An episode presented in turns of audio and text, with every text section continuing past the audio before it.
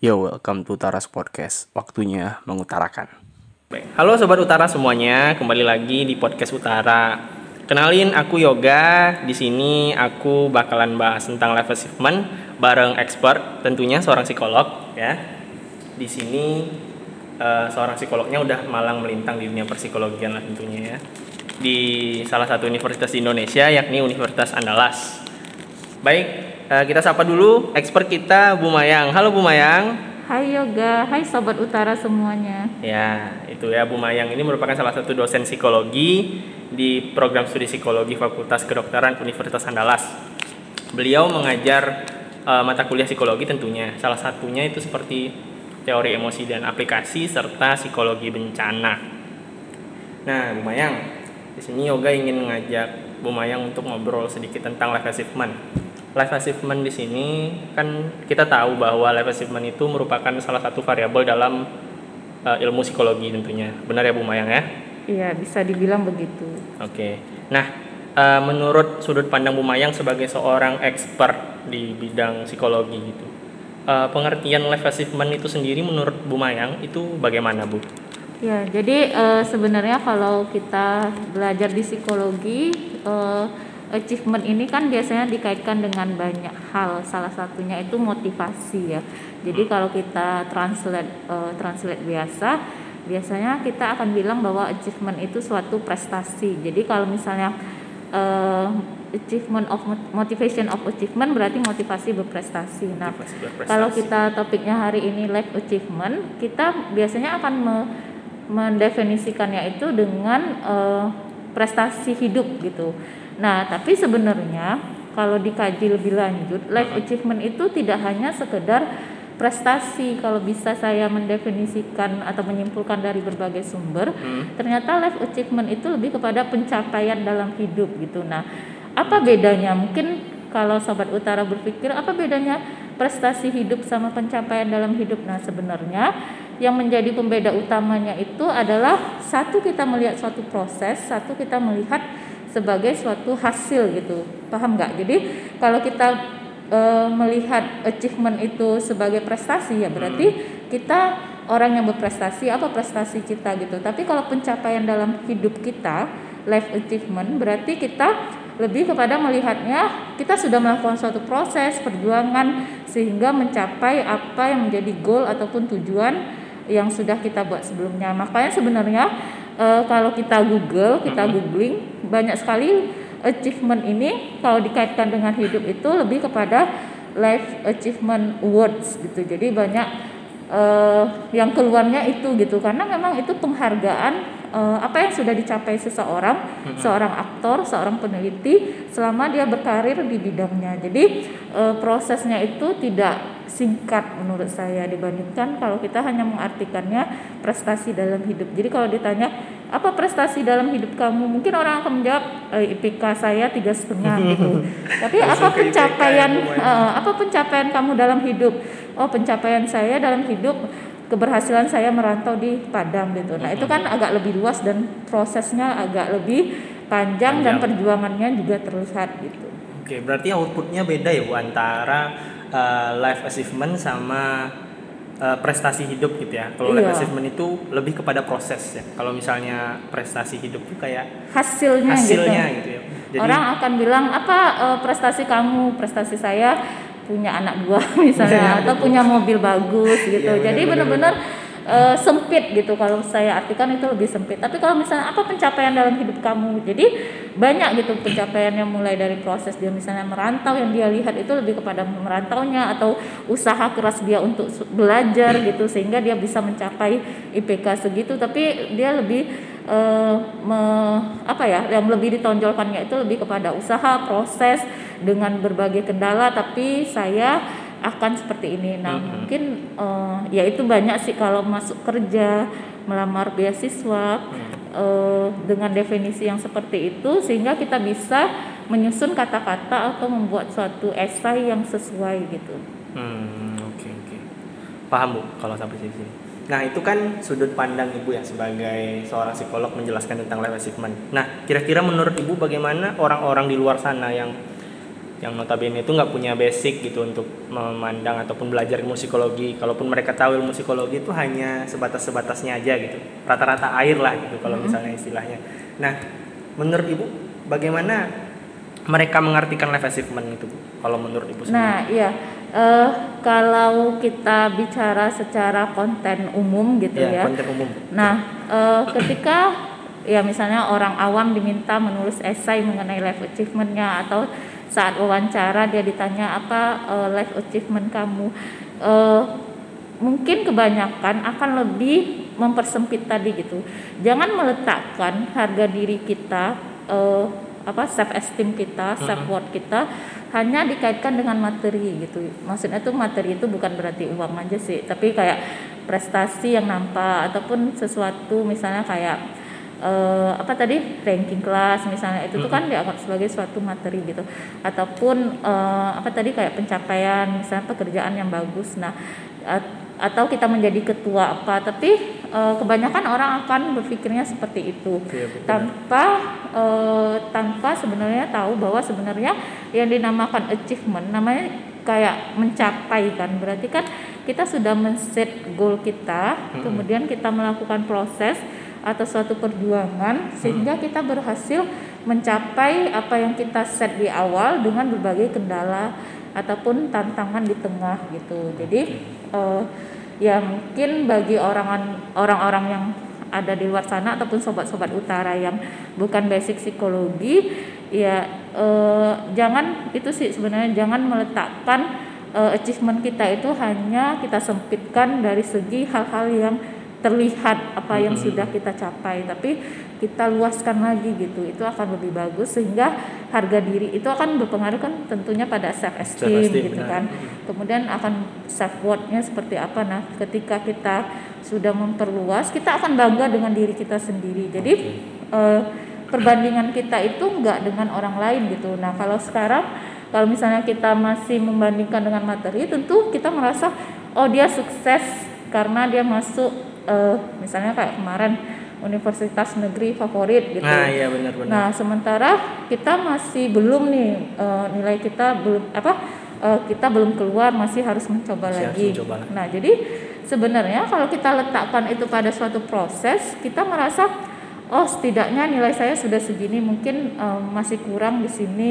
Nanti eh, di ujian berikutnya kayaknya ini perlu ditingkatkan atau dia melakukan evaluasi sehingga eh, di ujian berikutnya dia bisa mencapai tujuan dia ataupun dia bisa memperbaiki dirinya. Jadi perbandingannya itu terhadap apa yang sudah dia lakukan gitu, bukan eh, melihat orang lain gitu.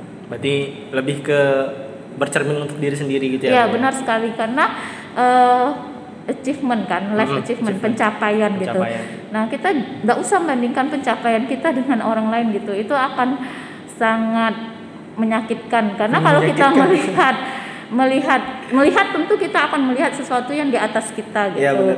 Di atas langit masih Ah, ada ah, langit. Masih ada langit gitu.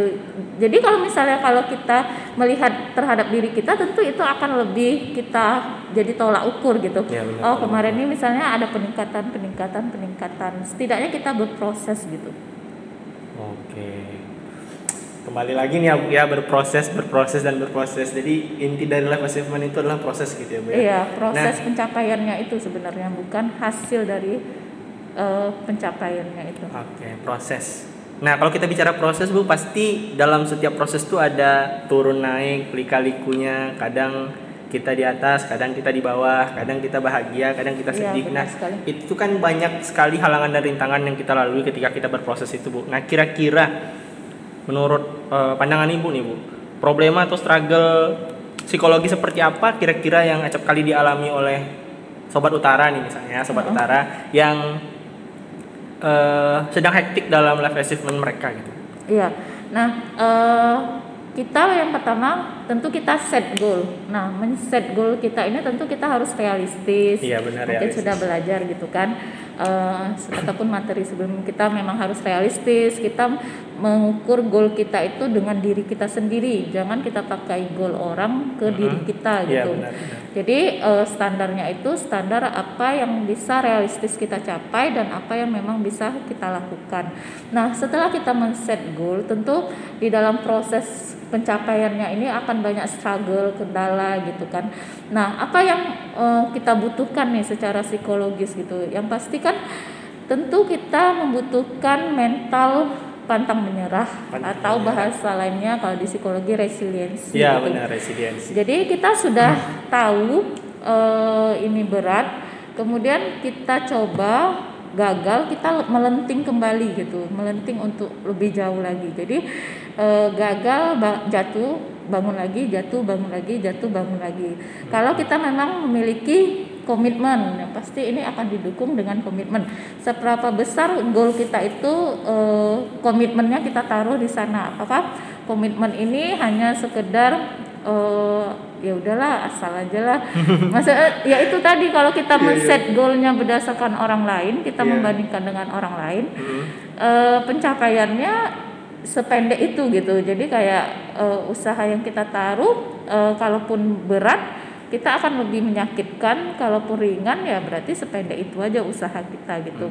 Nah kemudian komitmen kemudian resiliensi kemudian juga dalam pencapaian ataupun perjuangan ini tentu secara psikologisnya kita eh, membutuhkan motivasi internal gitu. Mungkin kita Motivasi sudah internal. belajar juga ada motivasi internal ada motivasi eksternal. Tapi akan lebih bertahan kalau memang kita memilikinya itu motivasi internal. Sehingga ketika orang atau sumber eksternal itu pergi kita masih tetap bisa berdiri gitu. Jadi terkadang kan kita contoh gampangnya kita ikut teman atau teman kita menjadi sumber motivasi, Sumber motivasi kita. kita. Sementara dia udah su- sudah sidang duluan. atau kayak kayak apa realistik banget. Iya, jadi dia udah pergi duluan Udah gitu. pergi duluan. Sehingga kita kehilangan sumber motivasi kita kan. Iya benar benar. Nah, itu akan menjadi kendala lagi. Jadi bagaimana kita men-set itu benar-benar apa yang kita inginkan, apa yang kita buat itu memang motivasinya itu dari kita sendiri. Sehingga apa kata orang kan kalau se sepayah-payah apa pun kalau kita suka ya pasti akan kita kejar. Nah, Iya, itulah eh, istilah dari motivasi internal gitu. Nah, eh, dalam pencapaiannya tentu kan yang namanya hidup ini ada tercapai, ada, Ada tidak enggak. tercapai. Sebenarnya bukan enggak tercapai juga sih, mungkin ditunda gitu. Keberhasilannya Eh, keberhasilannya itu ditunda nggak tercapai sekarang mungkin itu jadi bahan evaluasi bagi kita bahan evaluasi bagi kita. Maksudnya kita melakukan eh, evaluasi diri nih apa yang kurang gitu. Karena kan kita yang tahu proses kita. Kita yang men-set goal kita apa balik lagi oh ini kayaknya nggak realistis nih ataupun kayaknya nih goal kita ini ikut ikutan orang gitu. Orang itu ya lebih bisa karena orang itu memiliki fasilitas gini-gini. Kita mungkin nggak bisa karena fasilitas kita juga nggak se Nggak bagi gitu. seorang itu gitu kan. Atau mungkin eh, kalau misalnya anak-anak SMA kan Hmm. terkadang ada temannya itu yang memang dia udah bimbel eh, privat lagi Iya, benar-benar. eh, kemudian ya didukung dengan komputer media teknologi dari orang tuanya sementara kita nggak segitunya juga gitu nah mungkin di situ kita menjadi evaluasi sehingga kita men-set goal kita lagi ataupun di strateginya mungkin tadi kayak di perjuangannya kita kurang resilient kita mudah menyerah. Kita yaitu tadi meletak komitmen kita kurang kuat motivasi kita masih eksternal. Eh, yang pastinya sebenarnya kalau dari segi emosinya penc- eh, tercapai ataupun tidak tercapai itu kan pasti akan menimbulkan emosi emosi positif emosi negatif. Nah sejauh mana sebenarnya nanti ujung-ujungnya kita tidak larut dalam kedukaan kita Kedukaan. gitu ya Grieving gitu. Ah, ya. grieving atau bahasa gampangnya jangan susah move on gitu Wah, jadi move on. eh, kalau move on kita lama tentu itu akan memakan waktu yang lebih lama Lebih lagi, lama lagi, ya, gitu benar. jadi ketinggalan kita akan semakin terasa eh, jauh dari orang lain gitu Ya udah ada orang ini. Oke bu. Nah tadi ibu agak menying- menyinggung sedikit tentang anak-anak SMA ya. Jadi kemarin kan sedang hype-hype-nya SNMPTN gitu ya bu. Yoga juga lihat dari setiap platform baik itu FB, WhatsApp, Instagram, bahkan TikTok gitu ya. Semua orang ngupdate. Wah aku lulus SNMPTN. Ya aku nggak lulus SNMPTN begini dan segala macam. Pokoknya segala bentuk eh, ekspresi mereka turahkan lah gitu ketika mereka mendapatkan hasil SNMPTN mereka. Nah pertanyaan Yoga nih menurut ibu ketika SNMPTN itu salah satunya ya bu contohnya SNMPTN itu tuh tidak berhasil kita dapatkan gitu misalnya Hmm. gagal lah gitu ya. Itu kita mendapatkan life achievement atau bagaimana? Nah, sebenarnya ya itu tadi kalau kita balikkan kita ke materi, Mm-mm. eh, berarti itu memang life achievement orang itu. Kalau berhasil berarti life achievement dia eh, tercapai gitu. Tapi kalau kita balikinnya ke pencapaian proses, ya bisa jadi oh dia lulus eh, SNM apa tadi? SNMPTN Ah. itu eh, masih masih belum nih sebenarnya bagi dia masih biasa aja karena yang dia kejar bukan hanya sekedar lulus dan tidak lulus gitu Oke. tapi bagaimana dia bisa benar-benar eh, ibaratnya itu masih pintu awal gitu sampai dia benar-benar tamat gitu jadi kalau hanya sekedar eh, lulus tidak lulus ya biasanya kan tapi mungkin kita nggak bisa lepas juga dari faktor usia ya kan Bu. kalau remaja kan ya pembuatan life achievementnya mungkin sesederhana itu Iya. masih kan Jadi- Mereka masih meniru gitu. Ah, Orang bisa meniru. kenapa kita nggak bisa, Nggak gitu, ya, gitu. benar. Jadi ketika kita ya itu tadi balik-baliknya kalau kita bandingkan dengan orang lain pasti menyakitkan dan Mm-mm. move onnya itu akan lebih lama gitu. Tapi kalau misalnya kalaupun nggak lulus dia merasa kurang strategi ataupun Mm-mm. dia masih merealistiskan lagi apa jurusan dia Mm-mm. dia eh, apa bisa secara logik eh, melihat oh ini kayaknya memang nggak cocok atau ya biasanya kan kalau ini kan masih awal ya kan masih Iya, banyak benar. sebenarnya metode ujian lain gitu Mm-mm. biasanya kan orang ada yang bisa mengubah misalnya oh ini kayak ketinggian dengan waktu belajarku yang cuma segini jadi dia bisa realistis gitu nah eh, ya itu tadi kalau pertanyaannya apakah itu life achievement dia eh, saya rasa kalau itu untuk eh, pertanyaan misalnya melamar kerja ataupun beasiswa Ya. itu nggak akan terlalu dinilai kalau cuma Hmm. sekedar apa uh, what is your greatest uh, achievement in your life misalnya Oh, kan siap. what is your significant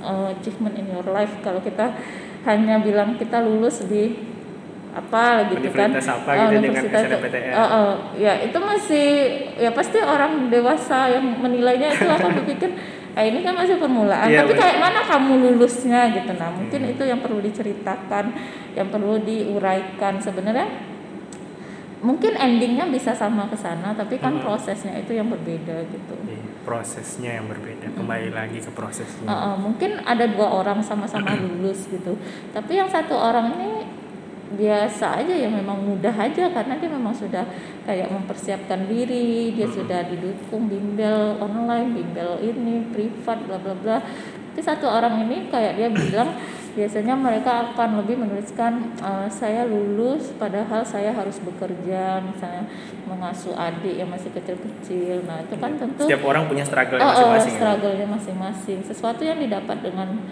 eh, sebenarnya itu sih intinya sesuatu yang didapatkan dengan usaha perjuangan yang lebih keras biasanya itu akan terasa menjadi achievement kita gitu. Jadi bukan hanya sekedar eh, dapat atau nggak dapat lagi tapi beda gitu. Yaitu tadi dua orang mungkin sama-sama lulus tapi dia merasa itu benar-benar achievement dia karena segitunya dia menaruh eh, Harapan, perjuangan, perjuangan. atau harapan atau dia masih belum merasa oh ini bukan ini ini kayaknya biasa aja bukan ini yang dia mau gitu mungkin dia bisa tinggikan lagi Oke. Nah, begitu sobat utara bagi sobat utara sekalian yang masih bingung ataupun yang masih dalam keadaan eh, down ketika teman-teman tidak lulus di SNMPTN-nya gitu ya. Itu bukanlah merupakan suatu eh, apa namanya? suatu kegagalan ataupun kekalahan. Teman-teman sudah mencapai eh, life achievement, salah satu life achievement dalam kehidupan teman-teman. Benar begitu ya, Bu Mayang ya? iya benar Ya. Oke, nah kita tadi udah nyinggung sedikit tentang anak SMA nih Bu. Nah sekarang Yoga punya pertanyaan buat Ibu itu pengalaman Ibu dalam menangani klien yang ada kaitannya dengan life assessment seperti apa? Ada yang Nah, ya jadi eh, sebenarnya kalau biasanya memang masih kategori remaja juga ya. Jadi maksudnya tuh terkadang kan remaja ini eh, mereka eh, apa menaruh eh, bandingan ataupun ya itu tadi perbandingannya itu dengan teman mereka gitu. Iya, benar. Jadi misalnya eh, mereka merasa bahwa misalnya kayak eh, hafalan misalnya hafalan mereka tidak sebanyak teman mereka gitu. Eh, jadi merasa langsung kayak nggak cocok ataupun kayaknya salah jurusan ataupun merasa ingin keluar misalnya dari suatu tempat sekolah mereka gitu. Nah, jadi eh, ketika remaja tersebut meletakkan perbandingan itu dengan yaitu tadi dengan orang lain Mhm. biasanya memang kecewa yang akan didapatkan gitu. Nah, tapi kalau kita balikkan kita mengukur dari misalnya seminggu kemarin seperti apa, sebulan kemarin kan ada prosesnya. Jadi eh, gimana mengubah mindset mereka itu yang harus dijadikan perbandingan itu memang diri dia sendiri gitu. Oke. Bagaimana proses yang dia sudah lalui. Mungkin kita berbeda dengan teman kita. Mungkin teman kita itu memang dari kecilnya sudah di eh, Dididik didukung, seperti itu ya, dididik seperti itu.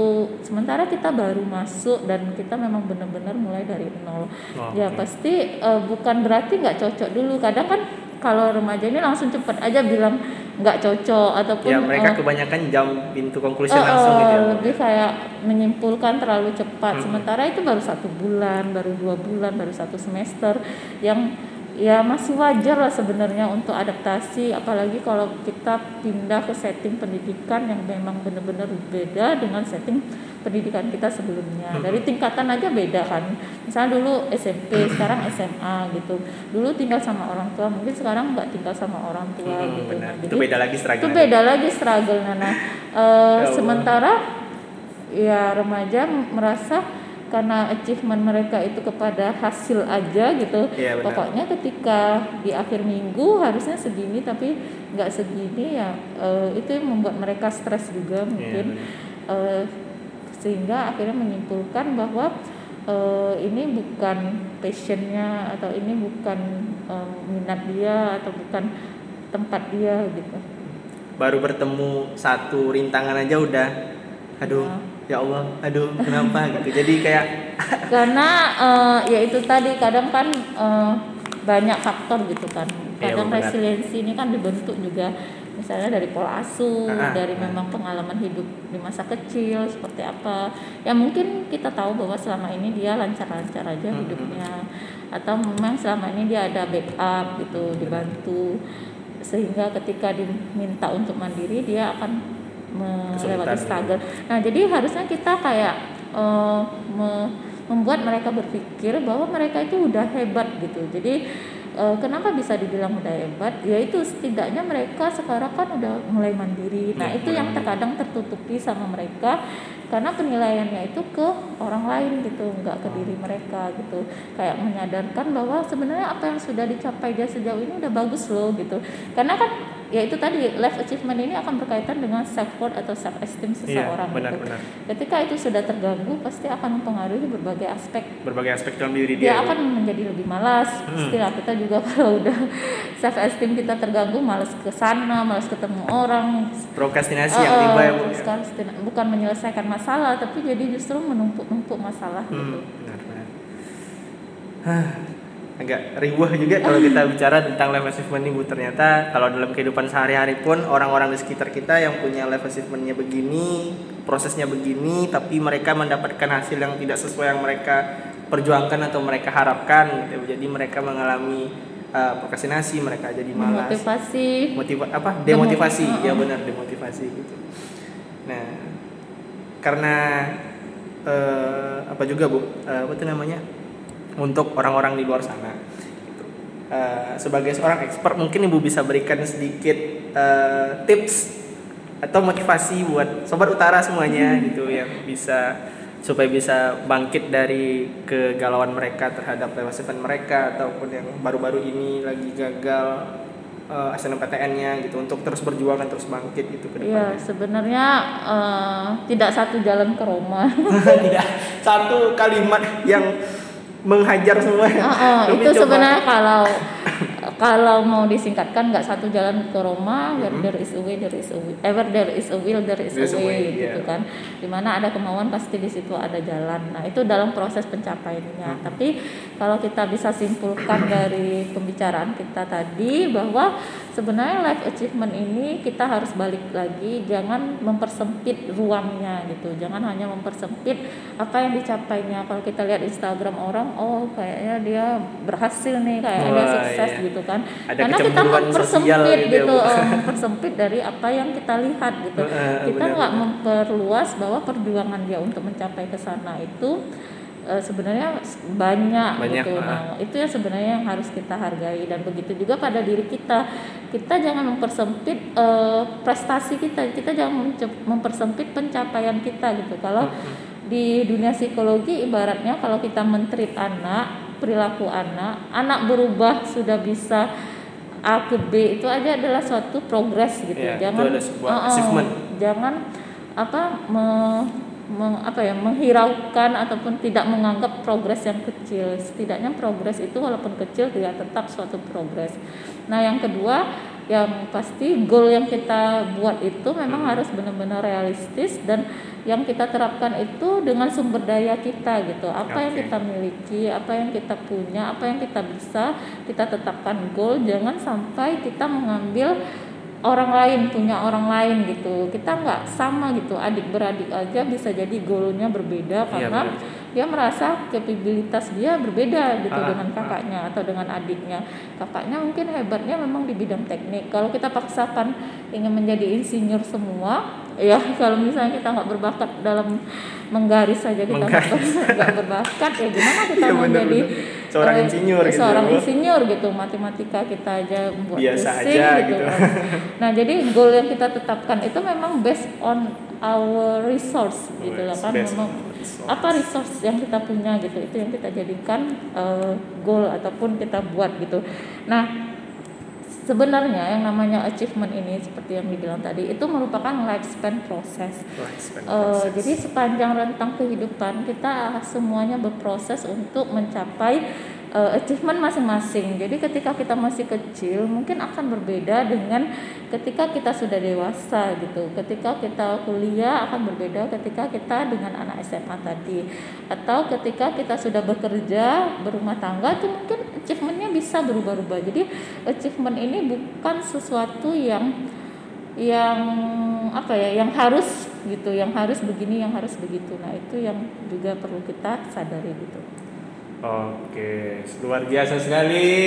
Luar biasa sekali kata-kata dari Bu Mayang. Semoga bisa membantu teman-teman ataupun sobat utara semuanya di luar semuanya yang lagi down, yang lagi grief, yang lagi pengen bangkit-bangkitnya gitu ya Bu Mayang ya. Iya, benar yang sekali. apa sedang-sedang galau-galaunya. galau-galaunya pokoknya balikin aja ke diri kita sendiri Eh, kegalauan itu akan bertambah kalau kita melihat punya orang lain Iya, jangan melihat orang lain, tapi fokuslah pada diri sendiri, fokuslah pada pencapaian diri sendiri, fokuslah pada prestasi diri sendiri, begitu ya Bu ya? Iya proses kita sendiri gitu. Kita yang mengukur proses kita sendiri gitu. Jadi eh, ketika sesuatu itu berhasil yang kita nilai itu bukan hasilnya tapi prosesnya. Jadi pencapaian itu benar-benar eh, Milik kita milik sendiri, kita sendiri gitu. bukan milik orang lain dan bukan berdasarkan orang lain. Oke, terima kasih banyak Bu Maya. See you again soon. Selesai sudah mengutarakan.